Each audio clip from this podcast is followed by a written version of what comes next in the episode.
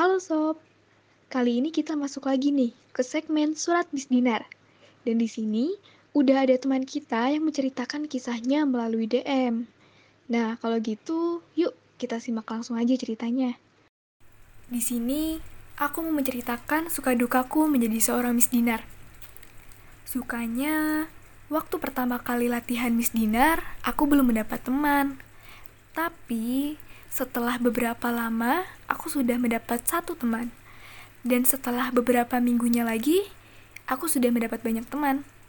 Yang lebih serunya, ada teman yang suka cerita lucu sebelum latihan. Kalau dukanya... Dukanya sering kena marah dari guru pembina, karena sering salah waktu bertugas, dan selalu datang terlambat pas mau bertugas.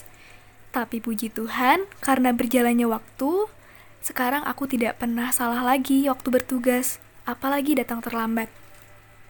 Nah, cerita dari teman kita tadi cukup sampai di sini nih.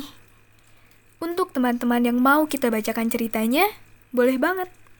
Tenang aja, karena kita pastinya akan tetap menjaga privasi dari teman-teman semua yang mengirimkan surat Miss Dinar ini. So, jika kalian memiliki cerita dan pengalaman menarik tentang Miss Dinar, boleh banget nih untuk menceritakannya melalui DM at sahabatmisinar.id. Dan cerita yang menarik pastinya akan kami bacakan. Sekian dulu ya untuk episode kali ini. Sampai jumpa!